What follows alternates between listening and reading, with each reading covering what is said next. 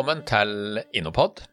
Mitt navn er Sjur Dagestad, og du hører nå på innovasjonspodkasten til Innoco. I dagens sending så skal du få høre om eh, om du kan spore grønn strøm.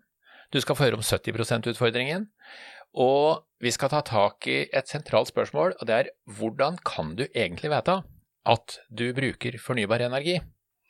Og med oss på det, eh, til å besvare de spørsmåla, så har vi fått med oss Hans Petter Kildahl fra Bekor. Velkommen, Hans Petter. Tusen takk skal du ha. Kjempegøy å få være med på det her. Eh, eh, som ingeniør så må jeg stille spørsmålet er det mulig å spore elektroner? Og som uh, gulrotøkonom fra NMBU så kan jeg svare at nei, du kan ikke spore elektroner. Jeg, jeg kjenner jo Omslov og Kirchhoffs lover og sånt nå, men, uh, men, hvis du har sett et kart over strømnettet i Europa, så ser du jo det at det å spore elektroner eller spore strøm fysisk rundt omkring i det, den spagettien av et nett vi har i Europa, det er ganske umulig. Ja, for det, eh, jeg, har, jeg, har, tidligere brukt en helt annen metafor rundt eh, strøm og grønn strøm osv. Jeg, jeg har sett på det som et badekar med mange eh, rør oppi som fyller vann oppi badekaret. Og noen er, fyller oppi rent vann, og noen fyller oppi svært forurensa vann. Og det betyr at i badekaret så vil det være grått. Og det er det du tapper ut av. Ja. Så det er en hva skal vi, Hvis du er glad i konjakk f.eks., eller, eller whisky, så snakker man om blend. Og i badekaret ja. så er det en blend av alle, ja. av alle kildene. Men i, i, faktisk i, i 2000 eller 1999 var det, så var vi en gjeng som ble samla i Nederland for å finne ut av dette her. Uh, fordi vi hadde da bedrifter og virksomheter rundt omkring i Europa som hadde begynt å stille spørsmålet hvordan kan vi vise at vi bruker fornybar energi Eh, og så visste vi at eh, vi ikke kunne spore elektroner, så vi eh, måtte tenke litt på hvordan skulle vi lage et system som kunne bidra til at disse bedriftene på en troverdig og transparent måte kunne vise til sine eiere, kunder og ansatte at de brukte fornybar energi. Det ble til et system som i dag kalles for uh, Guarantees Origin i Europa. Men, men, før vi kommer dit, ja. så har jeg lyst til å fortelle en liten historie. Ja. apropos denne historien om badekaret. Fyr ja. Det vi gjorde, det var at vi tenkte hm, hva slags systemer rundt, rundt, oss er det som minner om eh, det vi skal lage? Og da fant vi ut at penger er egentlig eh, Måten vi behandler penger på, er egentlig helt identisk med det vi trenger å gjøre på sporing og dokumentasjon av fornybar energi. Ja. Og da, Det er en litt morsom historie fra finanskrisa i 2008 i Fredrikstad, der hvor jeg bor. Da var det en uh, eldre og svært bestemt mann som gikk inn i, i DNB sin filial i gågata her. Og han uh, hadde jo da lest at det var fare for at bankene gikk tom for penger, og uh, det var fare for konkurs i finanssektoren, og det var veldig mye store og fete overskrifter. Ja, Sikkert som banken sto for fall? Yes. Så han gikk inn, gikk inn i skranka, der sto det en hyggelig dame og tok imot han, og han sa med, med stram, stram i blikket, så sa han 'jeg vil se pengene mine'. Ja. Og hun damen prøvde først da å forklare at uh, nei, det er ikke sånn at vi, vi har ikke pengene dine her i filialen. Og det hjalp jo ikke akkurat på humøret hans, da, når han hadde skjønt at bankene var i ferd med å gå tom for penger. Ja. Så han ble ganske høylytt og ganske bestemt.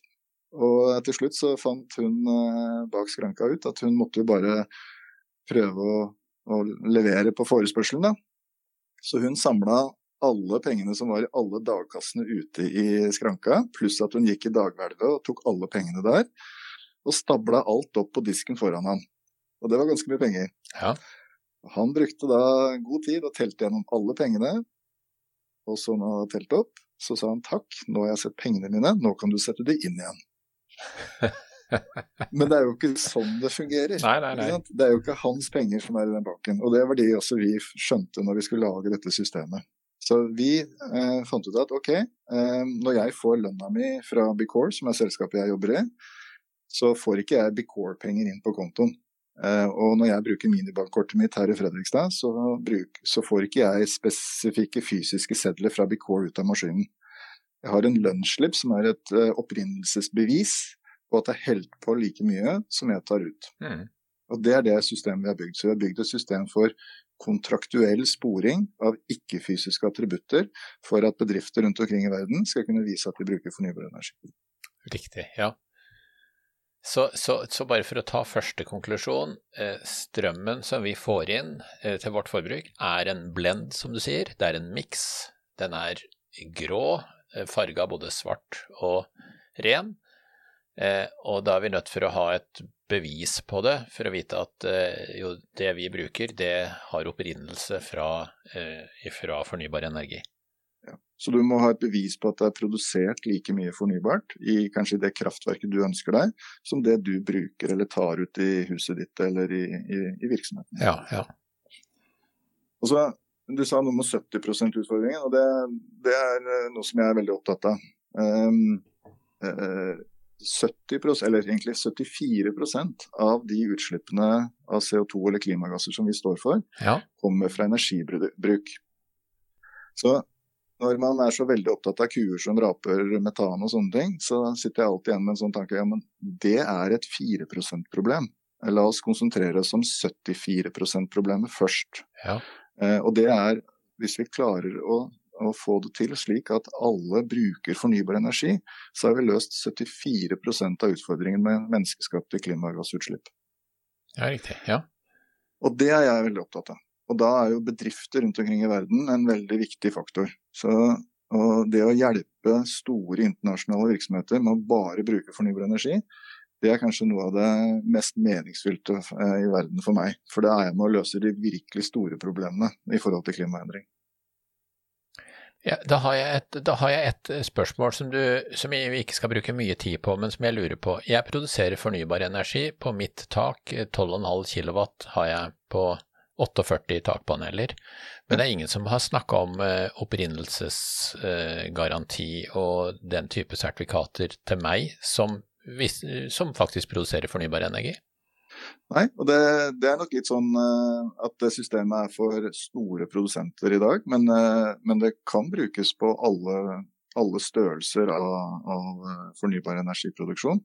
Nå har du noen, uh, I forhold til hvordan et sånt solcelleanlegg antageligvis er satt opp, så har du antageligvis en, en produksjon av strøm som ligger bak forbruksmåleren din. som gjør at ditt fornybarproduksjon er på en måte litt skjult for det totale nettet. Ja. Men i prinsippet så kan, kan ditt solcelleanlegg slås sammen med 1000 andre og bli en stor produsent av fornybar energi som kunne solgt den grønne strømmen til en bedrift som solgte aluminium til BMW f.eks. Ja, riktig. Ja.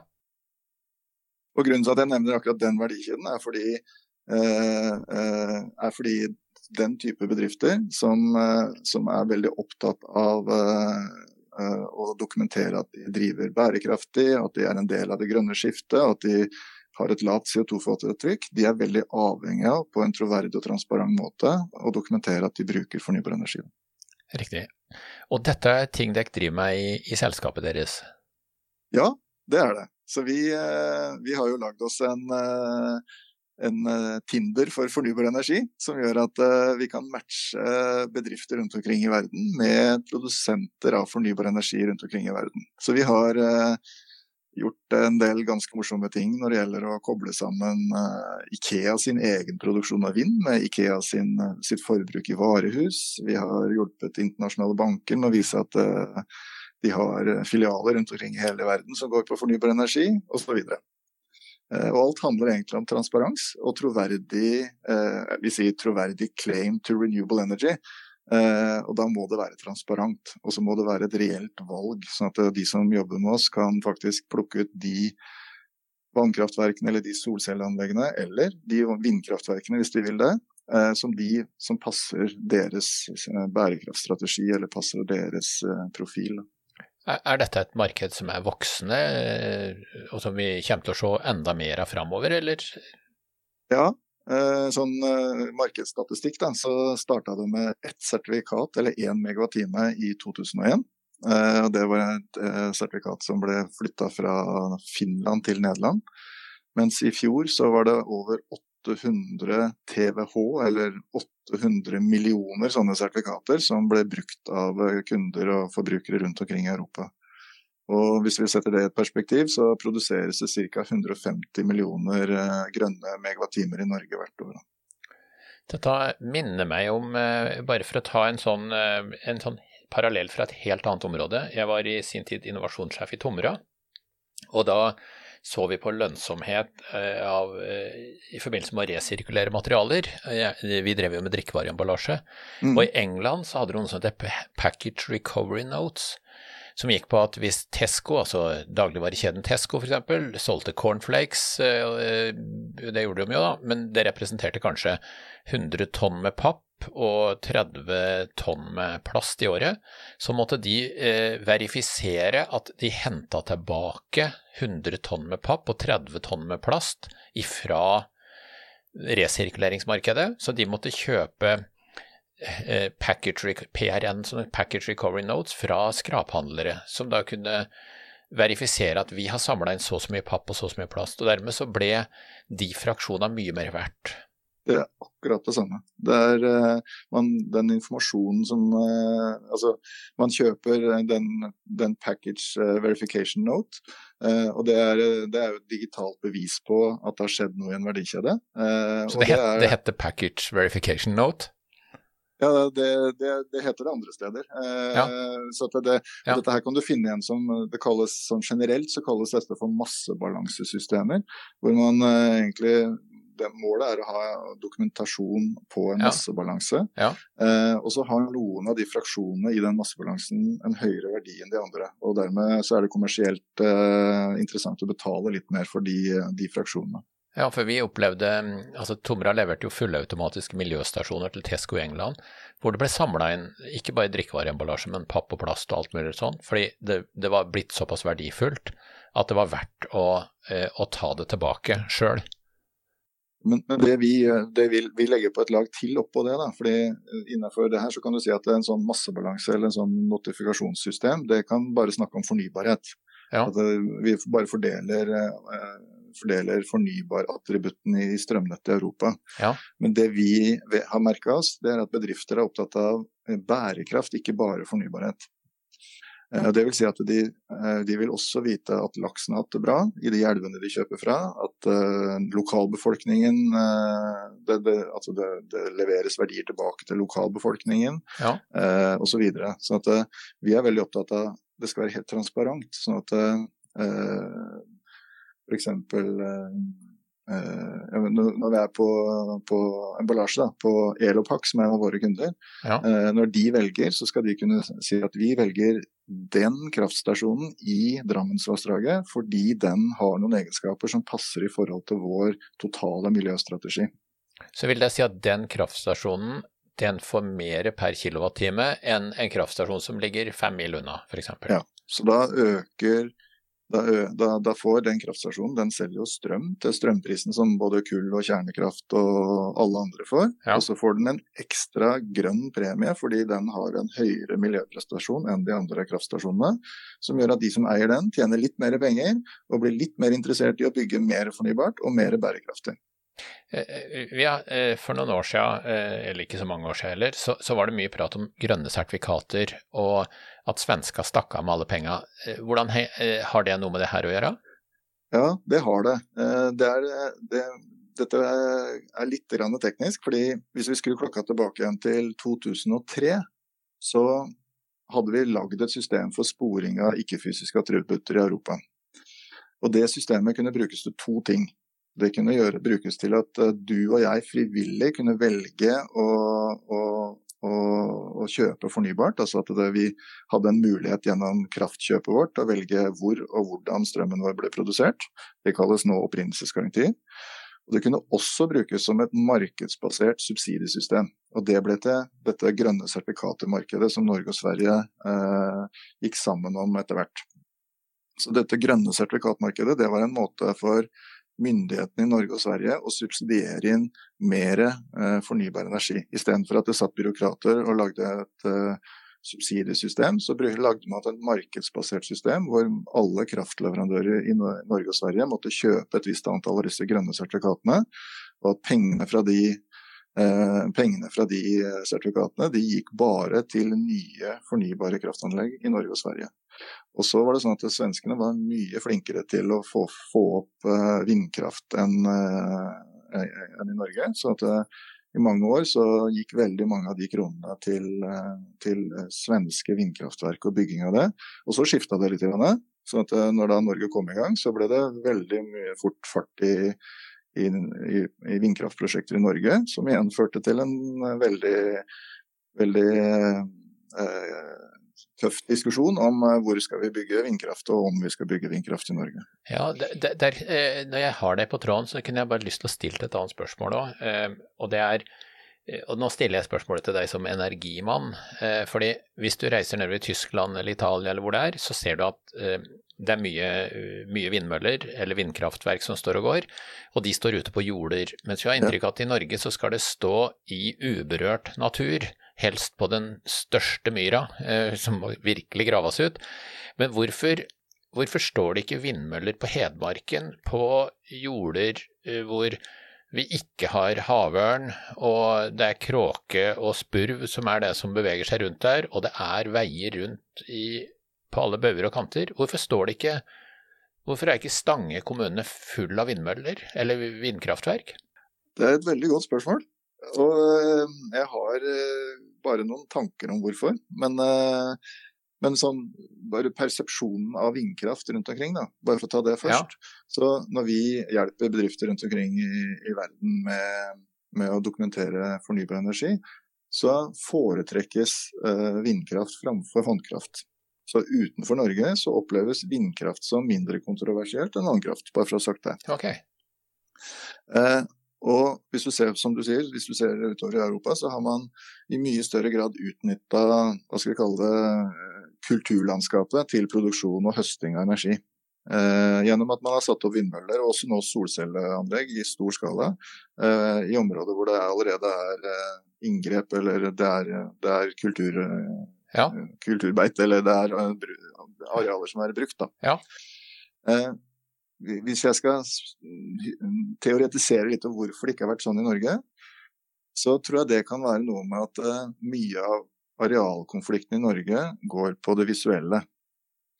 At eh, det, hvis du hadde prøvd å sette opp store, store vindmølleparker i et område som, uh, hvor mange mennesker bor, og hvor mange mennesker ville sett dem, så ville du fått kjempe enda større konflikter i forhold til arealbruk.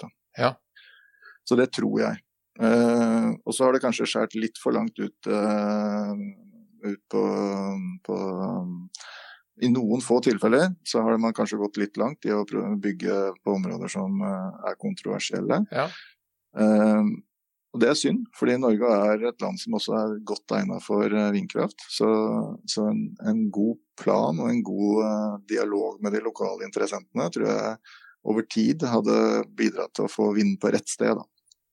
Dette er, dette er, jo ting vi kan ta tak i etter hvert òg, Hans Petter. Jeg kan jo si til deg som lytter, eh, du kommer til å møte Hans Petter igjen på podkast, for her har vi, her har vi eh, mer som vi, som vi kan pirke borti.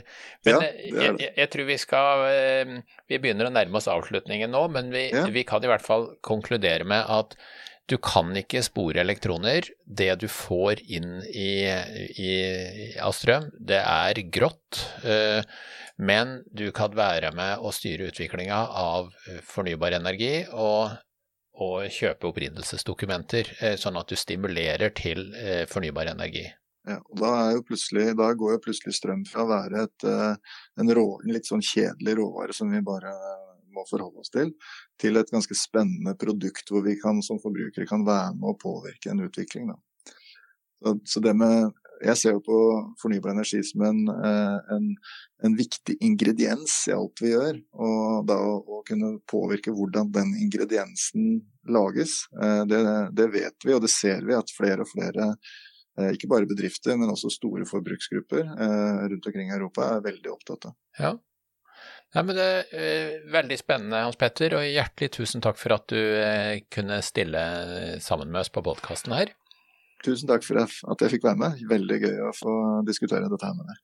Og til deg som er lytter, så må jeg si tusen takk for at du hørte på oss. Og Ja, mitt navn er Sjur Dagestad. Det er Innopod du har uh, hørt på, eller fortsatt sitter og hører på.